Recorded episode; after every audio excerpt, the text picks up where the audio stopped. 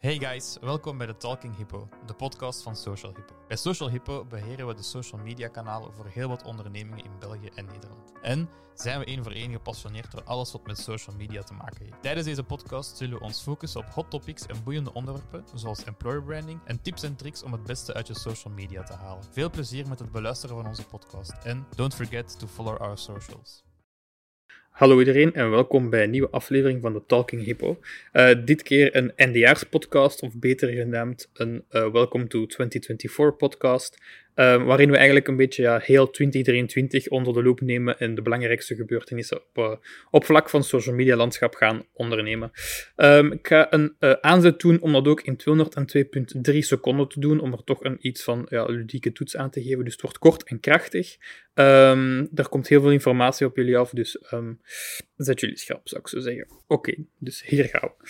Januari trapte af met een knal. Twitter gooide het roer om en met een nieuwe weergave van het aantal views probeerden ze ervoor te zorgen dat de interactie terug zou groeien. Um, Instagram besloot terug te keren naar zijn roots door foto's weer in de spotlight te zetten, waar het eigenlijk in 2022 vooral op de Reels heeft liggen focussen. LinkedIn, niet te vergeten dan, maakte het delen van nieuwsbrieven een fluitje van een cent. Februari en maart waren dan weer, waren dan weer maanden van fijnslijperij. Instagram flirte met een volledig nieuwe weergave van Reels in hun stories en LinkedIn maakte het mogelijk om een bericht met meerdere medeleden tegelijkertijd te delen. Twitter ondertussen, of X zoals we het ondertussen beter kennen, schudde de boel op door de legacy blauwe vinkjes dan weer te verwijderen. Wat echt voor een ja, soort van heisa zorgde in advertentiewereld. April was dan weer de maand van de grote onthullingen. Zo testte Facebook een AI-gegenereerde story of was dat toch een van hun ideetjes? Uh, Instagram liet ons toe om tot wel vijf links in onze bio te proppen, uh, wat voor heel veel bedrijven natuurlijk heel interessant is. Uh, Twitter zette dan weer adverteerders scherp door eisen te stellen dat ze zich moesten aanmelden voor Twitter Blue of de verification for organizations om advertenties te blijven draaien. Dus wat ik al eerder aanhaalde, werd dan nu ook echt in, of dat dan ook echt in werking. In mei zagen we dan dat Google ook blauwe vinkjes ging introduceren in Gmail. En uh, Instagram begon de kunst van de GIFs uh, in reacties te perfectioneren. Je kan tegenwoordig met GIFs reageren in een uh, comment. Meta, hè, zo altijd ambitieus als ze zijn, kwam dichter bij de lancering van Instagram de Instagram-versie die de concurrentie moest aangaan met Twitter, namelijk Threads. Um, in de zomermaanden brachten we dan weer, ja, nog andere, kwamen er dan nog weer andere veranderingen uh, op ons pad af, zoals juni de maand waarin LinkedIn besloot om afscheid te nemen van enkele functies, terwijl Instagram het downloaden van openbaar geposte reels mogelijk maakte. TikTok, altijd in voor een feestje, lanceerde dan weer de Trendy Beat Showcase. Juli was verder een maand waarin Meta uh, de, app, Threads app um, kon uh, dopen tot de snelst groeiende app aller tijden. Uh, tot op minder dan een maand maar liefst 100 miljoen gebruikers, wat ongezien was. Ehm, Instagram speelde met generatieve AI-elementen en Twitter testte een nieuwe manier om tweet-details weer te geven. Augustus was dan weer een maand van veiligheid en creativiteit.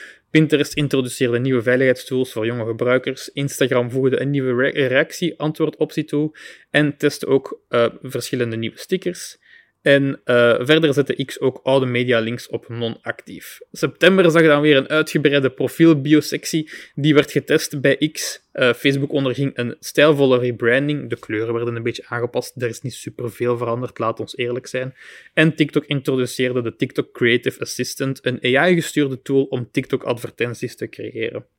Oktober was dan weer een maand van overwegingen en innovaties. X overwoog het verwijderen van alle engagement aantallen en knoppen op berichten en Instagram ro rolleerde een optie om stickers te maken van foto's. Meta schetste zijn aanpak voor merk- en gebruikersveiligheid met een nieuwe mini-site en zo komen we alweer in november, waarin Instagram de community betrokkenheid probeerde te verhogen door nieuwe functies um, te benadrukken, voornamelijk dan reacties in de verhaal. Elon Musk draaide zijn beslissing over de linkvoorbeelden terug, zoals we, we hier juist uh, zagen dat hij het probeerde, ja, ja, zeg maar, te verwijderen. En Pinterest uh, zijn directe links uit naar meer uh, zodat er meer advertentiecampagnetypes mogelijk waren. Ten slotte werd er in de december onthuld dat Google een plan heeft om ja, de tracking cookies uit te faseren. Uh, en Instagram bleef nieuwe manieren testen om hun notes meer te implementeren.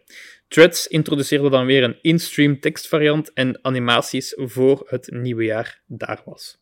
Voilà, dat was eigenlijk op een heel korte manier zoveel mogelijk informatie over de verschillende kanalen uh, gebundeld, zeg maar. Ik hoop dat jullie het fijn vonden. Um, het is waarschijnlijk heel veel informatie. Als er eens blijft plakken, ben ik al heel blij. En uh, hopelijk tot een volgende keer. Bye bye.